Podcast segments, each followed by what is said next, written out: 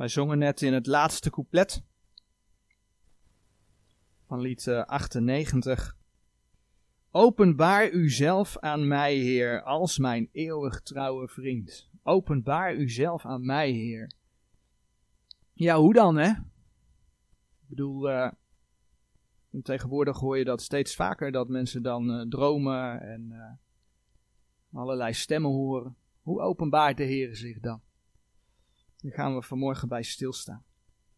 We hebben naar verschillende thema's gekeken in Gods woord om te zien dat de Heere God soms over één ding spreekt, maar toch daar verschillende vormen van heeft.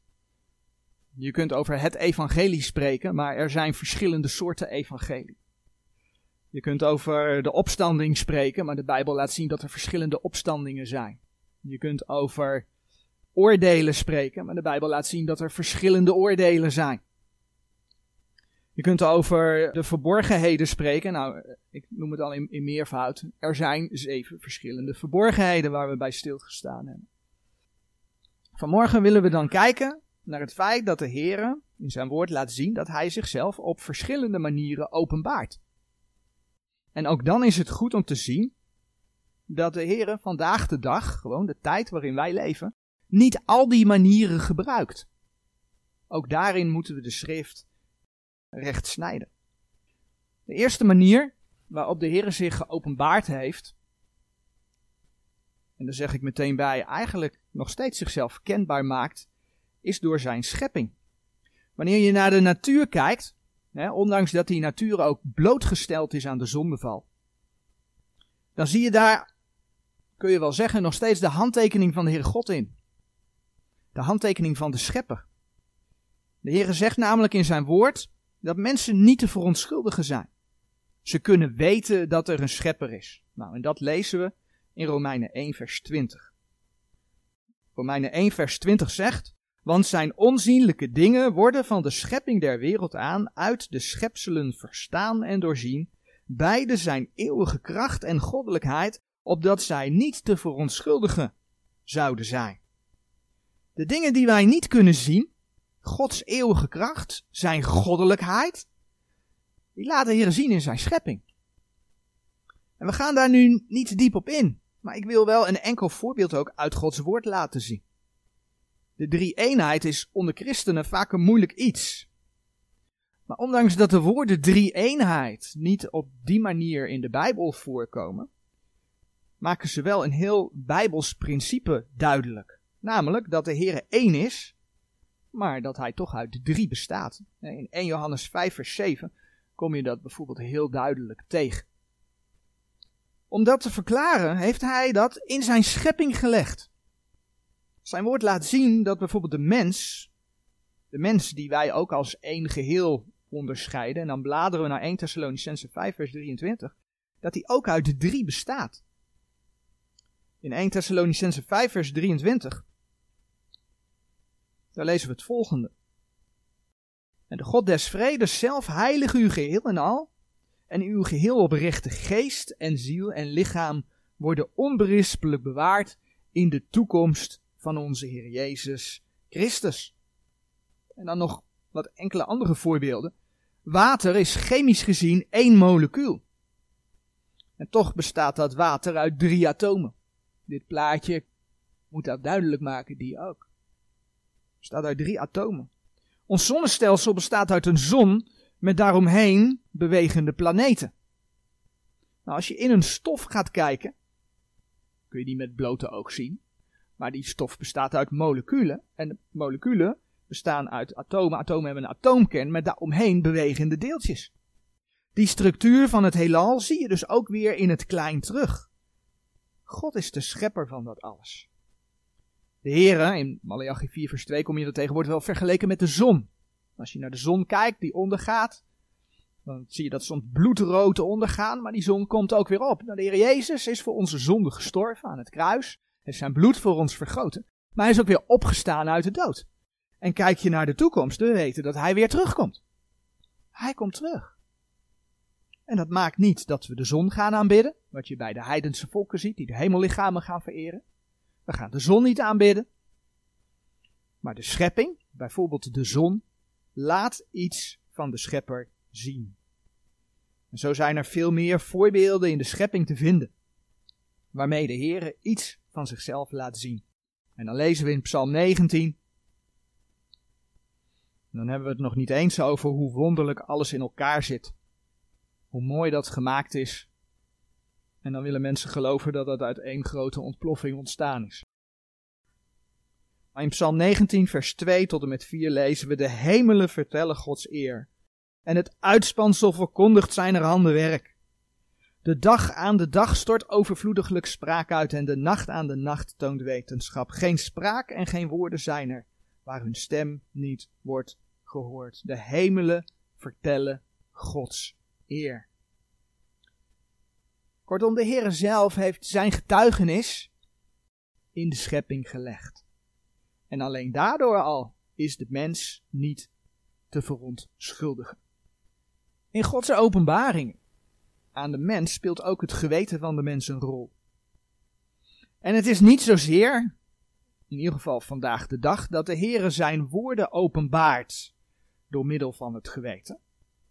Maar dat geweten speelt wel een rol in Gods leiding in je leven. Dat heeft met Gods leiding te maken op de weg die je gaat. Het geweten heeft te maken met de kennis van goed en kwaad. Daarvoor bladeren we naar Romeinen 2 vers 15 dat de mens onderscheid kan maken tussen goed en kwaad, dat heeft dus met dat geweten te maken. En een vers waar dat dan uit blijkt, is Romeinen 2, vers 15. Als die betonen het werk der wet geschreven in hun harten, hun conscientie medegetuigende en de gedachten onder elkander hen beschuldigende of onschuldigende door middel van het geweten kun je weten of je schuldig bent of niet schuldig bent. Of je goed zit of dat je fout zit. Het geldt voor alle mensen. Maar nu is het punt, en daarvoor bladeren we naar Titus 1 vers 15, dat dat geweten door de zondeval bevlekt is. Titus 1 vers 15 zegt, alle dingen zijn wel rein en reine, maar de bevlekte en ongelovig is geen ding rein. Maar beide hun verstand en conscientie, hun geweten, zijn bevlekt. Dus door de zondeval is het geweten van de mens bevlekt. En ja, als je dan moedwillig overgeeft aan de zonde. En ja, als je de Heer niet kent, de wereld kan niet anders. Maar dat geldt ook voor gelovigen. Die Gods woord naast zich neerleggen. Dan laat de Heer zien dat je je geweten zelfs dichtgeschroeid kunt hebben. En dat kom je bijvoorbeeld tegen in 1 Timotheus 4 vers 2. Daar kun je dat vinden, dat je je geweten dichtgeschroeid hebt. Maar dan is het mooi om te zien, Hebreeën 9 vers 14 spreekt daarover, dat je je geweten kunt reinigen door het bloed van de Heer Jezus Christus. En dat de Heilige Geest, en, en, dat je je geweten kunt reinigen, vind je in Hebreeën 9 vers 14. Maar we zoeken op Romeinen 9 vers 1, dat de Heilige Geest jouw geweten dan wil leiden. Als je de Heer kent, en verzegeld bent met zijn geest, als je je onder zijn leiding stelt, dan wil de Heilige Geest je leiden. Romeinen 9, vers 1. Ik zeg de waarheid in Christus, ik lieg niet. Mijn conscientie, mijn geweten, mijn medegetuigenisgevende door de Heilige Geest. Dus als je wederom geboren bent en je leven onder Gods leiding stelt, onder zijn woord stelt, dan mag je weten dat de Heer je geweten wil gebruiken om je op het rechte pad te leiden. Nou, in de tijd dat de Heere God zijn woorden aan de mensen gaf, gebruikte hij apostelen en profeten, tezamen met merktekenen der apostelen, met dromen en visioenen, om mensen zijn woorden te openbaren. En als je dan in Hebreeën 1 vers 1 kijkt, dan lees je eigenlijk al heel duidelijk dat al die verschillende manieren die de Heere God door de tijd heen gebruikt heeft, dat het eigenlijk niet voor alle tijden is. Hebreeën 1 vers 1. In Hebreeën 1 vers 1 staat geschreven, God voortijds veelmaals en op velerlei wijze tot de vaderen gesproken hebbende door de profeten, heeft in deze laatste dagen tot ons gesproken door de Zoon. Daar waar hij dus zegt over het verleden, God voortijds veelmaals en op velerlei wijze. Hij heeft allerlei manieren gebruikt om tot de vaderen te spreken. Daar zegt hij, heeft in deze laatste dagen tot ons gesproken door de zoon. Nou, en het getuigenis van de zoon, dat vinden we in de schrift. Johannes 20, vers 31 spreekt erover.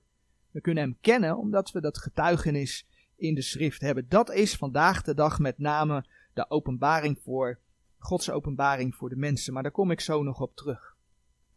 Voor de gemeente wordt bijvoorbeeld heel duidelijk gezegd dat apostelen en profeten tot het fundament, tot de beginperiode van de gemeente behoren. Efeze 2, vers 20 spreekt daarover. Maar laten we nummer 12, vers 5 en 6 opzoeken. In het Oude Testament komen we tegen hoe de Heer de profeten gebruikte. En dan lezen we in nummer 12, vers 5 en 6. Toen kwam de Heer af in de wolkolom en stond aan de deur der tent. Daarna riep hij Aaron en Mirjam en zij beiden kwamen uit. En hij zeide, hoort nu mijn woorden. Zo er een profeet onder u is, ik de Heere zal door een gezicht mij aan hem bekendmaken.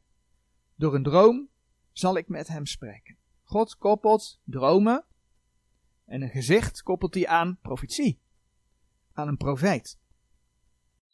Dat blijkt bijvoorbeeld ook uit Psalm 74, vers 9. Dat tekenen en profeten aan elkaar gekoppeld zijn. Er zijn geen tekenen, er is geen profeet. Laat ik het maar even lezen. Psalm 74, vers 9. Wij zien onze tekenen niet, er is geen profeet meer. Nog iemand bij ons die weet hoe lang. Gezichten, dromen, merktekenen gebruikte de Heer om zijn woorden aan de mensen bekend te maken. Mooie teksten die daarover gaan is ook Efeze 3, vers 3 tot en met 5. Maar die tekenen zijn niet voor het eind van de gemeentetijd. Ja, de Heer heeft ze gebruikt. En sterker nog, als je in zijn woord gaat kijken, dan weet je dat aan het eind van de grote verdrukking, als we hier de gemeentetijd hebben, eindigt met de opname van de gemeente, daarna komt de grote verdrukking. Aan het eind van de grote verdrukking zegt de Heere God dat Israël zal profiteren en zal dromen. Dus het gaat terugkomen. Maar tegelijkertijd staat er over duizendjarig vrederijk geschreven. Dat er geen profeten zijn. Dat er geen leraars zijn, bijvoorbeeld. De Heere God die geeft die dingen aan. Nou, ik ga hier niet dieper op in. Bij dit onderwerp is uitgebreid stilgestaan in het thema Wat is jouw basis in het geloof? Waarvan ondertussen de eerste drie delen op ons BitShoot kanaal te zien zijn. Dus als je dat uitgebreid wilt terughoren, dan kun je daarnaar kijken.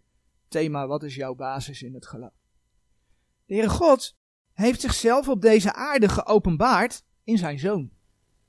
Jezus Christus. Door Jezus Christus heeft God een menselijk lichaam aangenomen. Waardoor hij zijn zonderloze bloed voor ons mensen kon vergieten. En de Heer spreekt dan wel over de vleeswording. In 1 Timotheus 3 vers 16. 1 Timotheus 3 vers 16, bekend vers voor ons. Lezen we daarover. En buiten alle twijfel de verborgenheid der godzaligheid is groot. God is geopenbaard in het vlees.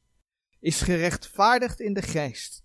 Is gezien van de engelen. Is gepredikt onder de heidenen. Is geloofd in de wereld. Is opgenomen in heerlijkheid. Ik denk dat we het vers in Johannes 1, vers 1 wel kennen. Johannes 1, vers 1. In den beginnen was het woord, en het woord was bij God. En het woord was God. In den beginnen was het woord. En het woord was bij God. En het woord was God. En in Johannes 1 vers 14. En het woord is vlees geworden. En heeft onder ons gewoond. En wij hebben zijn heerlijkheid aanschouwd. Een heerlijkheid als des enige geborene van de Vader, vol van genade en waarheid komen hem tegen in de geschiedenis van de geboorte van de Heer Jezus, Matthäus 1 vers 20 bijvoorbeeld, dat de Heer Jezus uit de Heilige Geest geboren was. Maar via Maria, en de tekst is wel even mooi om te lezen, Romeinen 1 vers 3, zegt de Heer dat de Heer Jezus ook wel degelijk een vleeselijk lichaam had. En meestal als wij aan het vlees denken, dan denken we aan de zonde. En dat geldt voor de mens ook. Mens is zondig, die zonde zit in het vlees, zegt Paulus. Maar dat geldt natuurlijk niet voor de Heer Jezus. Maar het is wel goed om dat een keer te lezen, Romeinen 1 vers 3. Daar wordt toch echt gezegd van zijn zoon die geworden is uit het zaad Davids naar het vlees. Dus de Jezus had een vleeselijk lichaam, alleen zonder zonde. En dat kwam omdat hij uit de Heilige Geest was. Dus door hem is er redding. Want hij kon, doordat hij zonder zonde was, voor de zonde van de mensen sterven.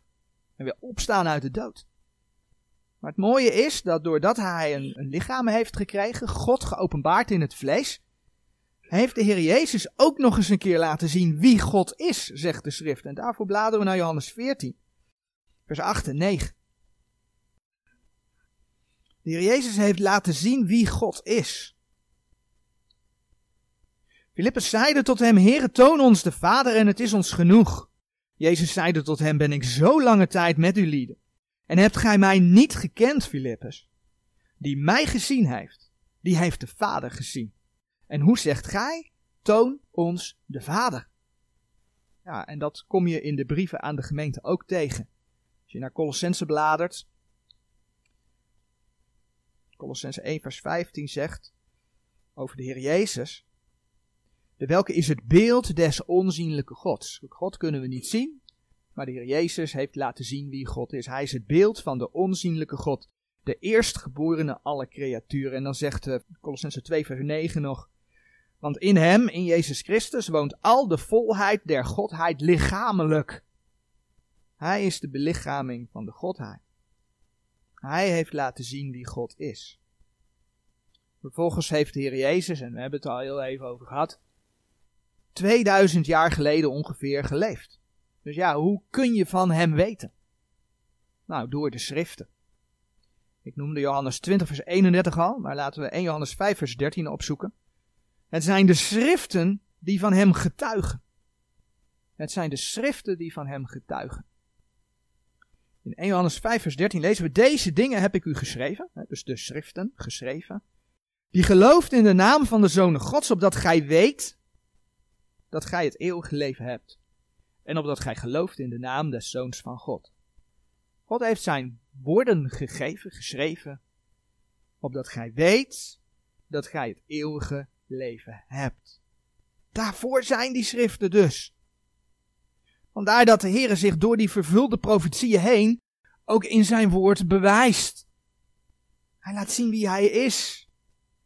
Nou, dat openbaren in de schrift, dat begon reeds in het Oude Testament, waar de Heere God met zijn vinger de stenen tafelen beschreef om mensen de tien geboden te geven. Om zijn volk Israël de tien geboden te geven. Als je in Exodus 24 vers 12 kijkt, Exodus 24 vers 12, daar lezen we toen zeide de Heere tot Mozes, kom tot mij op de berg en wees al daar en ik zal u stenen tafelen geven en de wet en de geboden die ik geschreven heb, die ik geschreven heb, zegt de Heere, om hen te onderwijzen. Nou, en dat hij dat ook daadwerkelijk met zijn vinger gedaan heeft, zoals de schrift zegt, dat kun je opzoeken in Deuteronomium 9 vers 10. Staat op nog een andere plek, maar ik heb Deuteronomium 9 vers 10 opgeschreven als voorbeeld. Uiteindelijk gaf de Heere zijn woorden dus in boeken. Zoals wij nu Gods bewaarde woorden mogen kennen in de Statenbijbel. Ja, en voor deze tijd is dat de manier waarop de Heer zijn profetische woorden onder de mensen bekend wil maken. En daarbij hoort het werk van de Heilige Geest. Want het is Gods Geest die zicht geeft op Gods woorden. Als je in 1 Korinthe 2 vers 10 kijkt. In de charismatische beweging wordt dat gescheiden van elkaar. En dan hebben ze het dus over de werkingen van de geest. En dat zijn dan allerlei toestanden. En dan hebben ze het ook nog een beetje over Gods woord, over de Bijbel. Een beetje. Hier en daar een tekst. Maar je kunt dat niet scheiden. Je bent wederom geboren, je hebt Gods geest gekregen en Gods geest wil zicht geven op Gods woord. 1 Korinthe 2 vers 10 zegt, Door God heeft het ons geopenbaard door zijn geest. Want de geest onderzoekt alle dingen, ook de diepte Gods. En als je dan in vers 13 kijkt, dan zie je daar geestelijke dingen met geestelijke samenvoegende. Daar zit het schrift met schrift vergelijken in verwerkt. Nou, Romeinen 16. Romeinen 16, vers 25 en 26 laat zien dat het gaat om het verspreiden van de profetische schriften. Ik vind het zelf hele mooie teksten. Die zijn in de serie Wat is jouw basis in het geloof ook diverse keren naar voren gekomen. Hem nu die machtig is u te bevestigen naar mijn evangelie en de prediking van Jezus Christus. Naar de openbaring der verborgenheid die van de tijden der eeuwen verzwegen is geweest, maar nu geopenbaard is, schreef Paulus. En door de profetische schriften naar het bevel des eeuwige Gods tot gehoorzaamheid des geloofs onder al de heidenen bekend is gemaakt. Gods manier van werken in de gemeentetijd, door de profetische schriften onder al de heidenen zijn woorden bekendmaken. Je kunt daar ook Romeinen 15 vers 4 bij opzoeken. Nou, vervolgens wil de Heer het getuigenis van mensen gebruiken. Om zichzelf aan anderen te openbaren. En ja, het mooie is natuurlijk dat dat getuigenis wel gepaard gaat in samenhang met Gods woord. Met de verkondiging van zijn woorden. In Handelingen 26. Handelingen 26, vers 16 tot en met 18. Daar lezen we over de opdracht die Paulus van de Heer kreeg. Dat de Heer tegen hem gezegd had: Maar richt u op en sta op uw voeten, want hiertoe ben ik u verschenen om u te stellen tot een dienaar. En getuige der dingen, beide die gij gezien hebt en in welke tijd ik u nog zal verschijnen. Verlossende u van dit volk en van de heidenen tot de welke ik u nu zend. Vers 18 nog om hun ogen te openen en hen te bekeren van de duisternis tot het licht en van de macht des Satans tot God, opdat zij vergeving der zonde ontvangen en een erfdeel onder de geheiligden door het geloof in mij.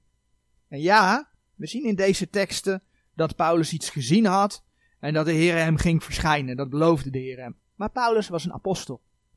En de Heer is aan Paulus verschenen om hem zijn woorden kenbaar te maken. Maar waar ik die teksten voor aanhaal, is dat je dus in dat laatste vers leest dat de Heere Paulus gebruikte om mensen te bereiken. Om hem uit te zenden, zodat mensen zich zouden gaan bekeren. Nou zijn wij niet allemaal een Paulus. Maar de schrift, 2 Korinthe 5 vers 20, laat wel zien dat we allemaal gezanten van Christus zijn. Dus we mogen allemaal helpen om, zoals Romeinen 16 vers 25 en 26 zeggen, die profetische schriften bekend te maken. Daar mag je allemaal bij helpen. Nou, de laatste manier van openbaren is dat de Heer zichzelf gaat laten zien. En nee, niet nu. De schrift waarschuwt niet voor niets voor de eindtijd. En ik weet, de tekst die ik voor ga lezen gaat eigenlijk over de grote verdrukking. Maar we zijn in de aanloop daar naartoe. En we zien uh, met tekenen en wonderen in bepaalde kringen heel veel gebeuren. En daar verwijst dit vers echt naar, daar ben ik van overtuigd. Marcus 13, vers 21 en 22. Staat niet op de dia. Maar ik wou hem er toch bij betrekken. De Heer laat zichzelf nu niet zien. Want juist voor de tijd die nu voor de deur staat, zegt de Heer, en als dan zo iemand tot uw lieden zal zeggen, zie hier is de Christus, of zie hij is daar, gelooft het niet. Gelooft het niet. Want er zullen valse Christussen en valse profeten opstaan en zullen tekenen en wonderen doen om te verleiden, indien het mogelijk waren, ook de uitverkorenen. Nou, ik denk dat die waarschuwing duidelijk genoeg is. Maar de schrift laat zien, de Heer gaat zich laten zien, maar hij gaat terugkomen. In openbaring 19 vers 11, daar wordt er letterlijk over gesproken dat de hemel open gaat. De Heer gaat terugkomen. Openbaring 19 vers 11. En ik zag de hemel geopend en zie een wit paard en die op hetzelfde zat was genaamd getrouw en waarachtig en hij oordeelt en voert krijg in gerechtigheid. En dan weten we als we die versen doorlezen dat de Heer Jezus terugkomt. Hij komt terug. De hemel gaat open. Openbaring 1 vers 7. Openbaring 1 vers 7 zegt Zie, hij komt met de wolk en alle oog zal hem zien, ook degenen die hem doorstoken hebben. En alle geslachten der aarde zullen over hem rouw bedrijven. Ja, amen. Dus de Heer gaat terugkomen. En wij weten dat de Heer voor de gemeente zelfs iets eerder komt. Hij komt ons in de lucht tegemoet. Hij komt ons halen. Dus we zullen worden opgenomen. Maar uiteindelijk, Zachariah 14 vers 4 en vers 9, zullen zijn voeten letterlijk staan op de olijfberg, zegt zijn woord. Want hij gaat terugkomen. Hij gaat zich laten zien. Ja, en dan is in dit alles het wel van belang Ja, dat je weet als mens aan welke kant je staat. En voor de gemeentetijd, de tijd waarin wij leven, vandaag de dag houdt dat in dat je Jezus Christus als je persoonlijke verlosser hebt aangenomen. In hem, in zijn vergrote bloed is redding, is vergeving van zonde. Want anders zul je hem ontmoeten, wat we net gelezen hebben, als degene die krijg voert in gerechtigheid. Die zijn vijanden verslaat. De Heere heeft er in ieder geval alles voor gedaan door de geschiedenis heen. Om zijn plan, om, om zijn redding ook, bij de mensen bekend te maken. Om het te openbaren. En daarvoor heeft hij diverse manieren gebruikt. En gebruikt hij ook vandaag de dag nog diverse manieren. Ik bedoel, de schepping spreekt nog steeds over hem. Laat nog steeds zien dat er een schepper is. De Heere wil door het geweten werken. Als je als kind van God zijn geest mag hebben, wil hij je leiden in de keuzes die je maakt. De Heere spreekt nog steeds door zijn Zoon Jezus Christus. Door de schriften en zijn geest. En door het getuigenis. Zo wil de Heere zich aan mensen openbaren in deze tijd. Amen.